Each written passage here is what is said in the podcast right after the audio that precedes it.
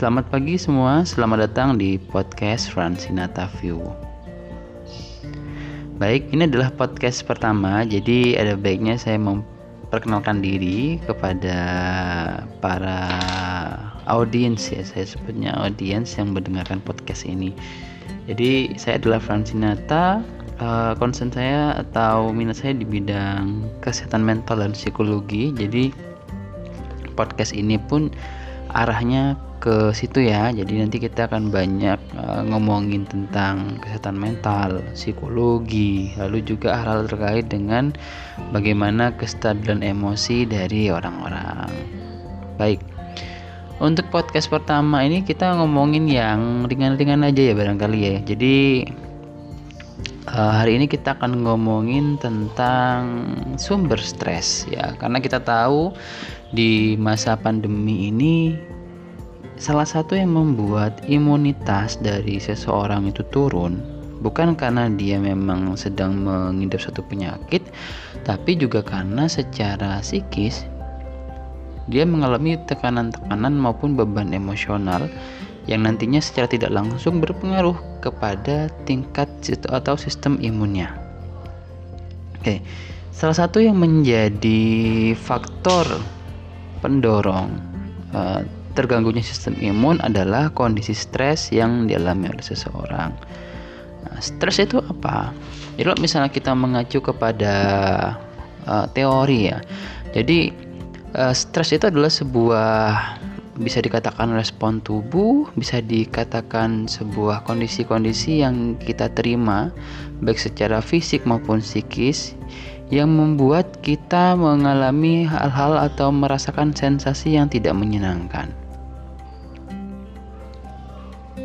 Nah, di sisi lain, stres juga merupakan suatu bentuk penyesuaian. Jadi, biasanya kalau kita mengalami stres itu uh, tidak melulu karena hal-hal yang me, apa ya, menyedihkan atau hal-hal yang negatif. Karena kalau dari psikologi sendiri ini ada dua jenis stres. Yang pertama adalah eustress, lalu yang kedua adalah distress. Oke. Baik. Eustress itu adalah hasil dari respon terhadap stres yang bersifat positif, bersifat sehat dan bersifat konstruktif. Loh, kok ada ya stres yang positif? Ini maksudnya gimana stres yang positif? Baik jadi stres itu tidak melulu terkait dengan hal-hal yang negatif. Saat kita mendapatkan sebuah pencapaian atau mencapai sebuah cita-cita yang kita sudah sangat idam-idamkan atau uh, kita sedang merasakan sebuah sensasi atau sebuah kemenangan itu merupakan kondisi-kondisi eustress kita Nah, sedangkan jika dikatakan distress, ini lebih kepada respon terhadap stres yang sifatnya negatif, tidak sehat dan cenderung destruktif. Ya, jadi kalau misalnya kita seperti kehilangan eh, orang-orang yang terdekat, orang-orang yang kita cintai, kita sayangi, biasanya akan membuat kita menjadi murung, menjadi sedih, menangis berhari-hari, bahkan pada tingkat yang parah mungkin akan menyebabkan kita e, melakukan suatu tindakan-tindakan yang sifatnya destruktif. Nah, itu adalah distress. Jadi e, perlu e, teman-teman semua ingat di sini ada dua jenis stres yaitu eustress dan distress. Kemudian untuk sumber stres itu sendiri. Jadi sumber stres itu macam-macam ya. Jadi hal-hal um, yang membuat kita merasakan sebuah hambatan atau membuat kita merasakan sebuah kegagalan atau memaksa kita untuk melakukan sesuatu yang di luar batas kemampuan kita itu semua merupakan sumber-sumber stres. Tapi kalau dari buku teori sumber stres itu dibagi menjadi empat jadi yang pertama adalah frustasi, nomor dua adalah konflik, nomor tiga tekanan atau beban, lalu yang keempat adalah krisis. Ya, kita coba uh, breakdown satu persatu dari frustasi. Nah, frustasi itu timbul bila ada aral melintang antara kita dan tujuan kita. Jadi ini misalnya kita e, mau berpiknik, tiba-tiba mendadak hujan tuh. Atau tiba-tiba mobilnya mogok atau tiba-tiba ada kabar orang tua sakit atau mungkin ada satu dua hal yang akhirnya membuat kita rencana kita tuh batal. Nah, itu merupakan sebuah frustasi. Jadi saat kita merasakan ada hambatan, ada rintangan dalam tujuan kita atau dalam proses kita mencapai tujuan, maka itu dikatakan frustasi. Lalu yang kedua adalah konflik. Konflik itu didefinikan disampaikan adalah jika terjadi um, kita mungkin harus ini ya harus memilih ini ini mungkin cenderung konflik internal dulu ya. Jadi mungkin kita harus memilih antara satu atau lebih uh, atau tiga atau empat pilihan yang sama-sama penting. Ini misalnya uh, saya harus kerja dulu atau kuliah dulu. Nah dua pertanyaan ini nih biasanya akan menjadi konflik internal pasti kita akan ini bagi teman-teman yang mungkin masih akan menginjakkan kaki di ini ya di bangku kuliah biasanya atau baru lulus lah biasanya mereka akan mengalami konflik ini saya kuliah atau kerja? Ditambah lagi nanti mungkin ada dari orang tua ya oh kamu kerja dulu aja misalnya. Atau mungkin dari orang tua kita maunya kita kuliah sedangkan kita sudah ingin kerja misalnya. Nah atau di sisi lain misalnya untuk yang e, para perempuan antara nikah atau bekerja jadi ibu rumah tangga atau jadi ibu karir ya jadi pilihan-pilihan seperti ini yang membuat kita harus memilih satu di antara berbagai macam alternatif yang kita miliki, ini adalah konflik.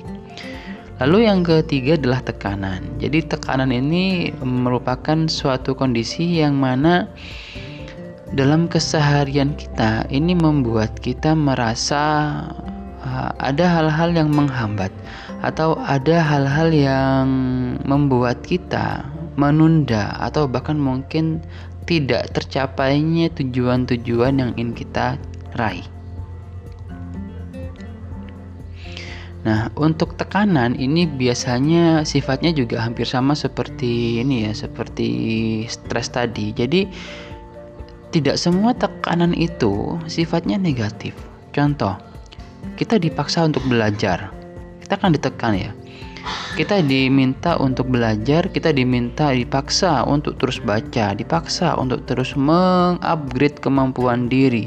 Kita dipaksa untuk terus menyimak satu, dua, tiga mata pelajaran yang kita sendiri itu bahkan nggak ngerti. Nah, itu adalah tekanan. Jadi tekanan itu adalah sebuah kondisi yang tidak nyaman yang tentunya akan di, ada dua sisi ya. Yang sisi pertama adalah membuat kita menjadi pribadi yang konstruktif tadi tumbuh berkembang dengan baik. Lalu yang kedua adalah menjadi pribadi yang destruktif. Oke baik.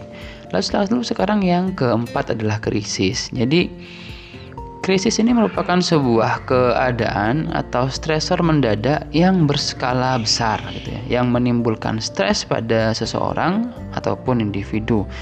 Misalnya seperti kematian atau kecelakaan atau mungkin bencana-bencana alam yang memiliki sifat atau membuat kita kehilang merasa kehilangan dalam skala yang besar.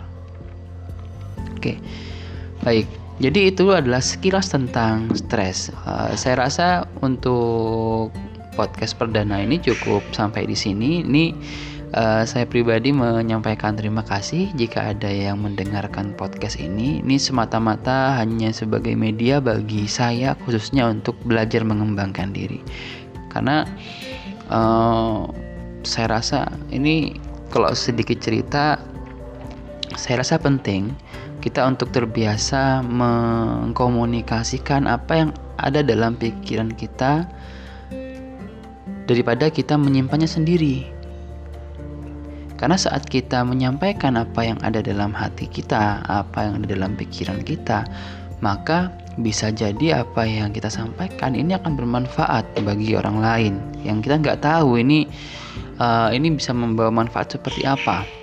Tapi jika kita simpan sendiri, maka hanya akan kamu bawa mati, hanya akan kamu bawa dan simpan sendiri dan tidak ada kebermaknaannya. Jadi uh, podcast ini semata-mata hanya untuk memfasilitasi khususnya saya pribadi ini untuk mencoba mencoba belajar khususnya untuk menyampaikan sesuatu yang saya kuasai dengan lebih baik lagi. Baik, terima kasih sudah mendengarkan podcast ini. Sampai jumpa di podcast selanjutnya.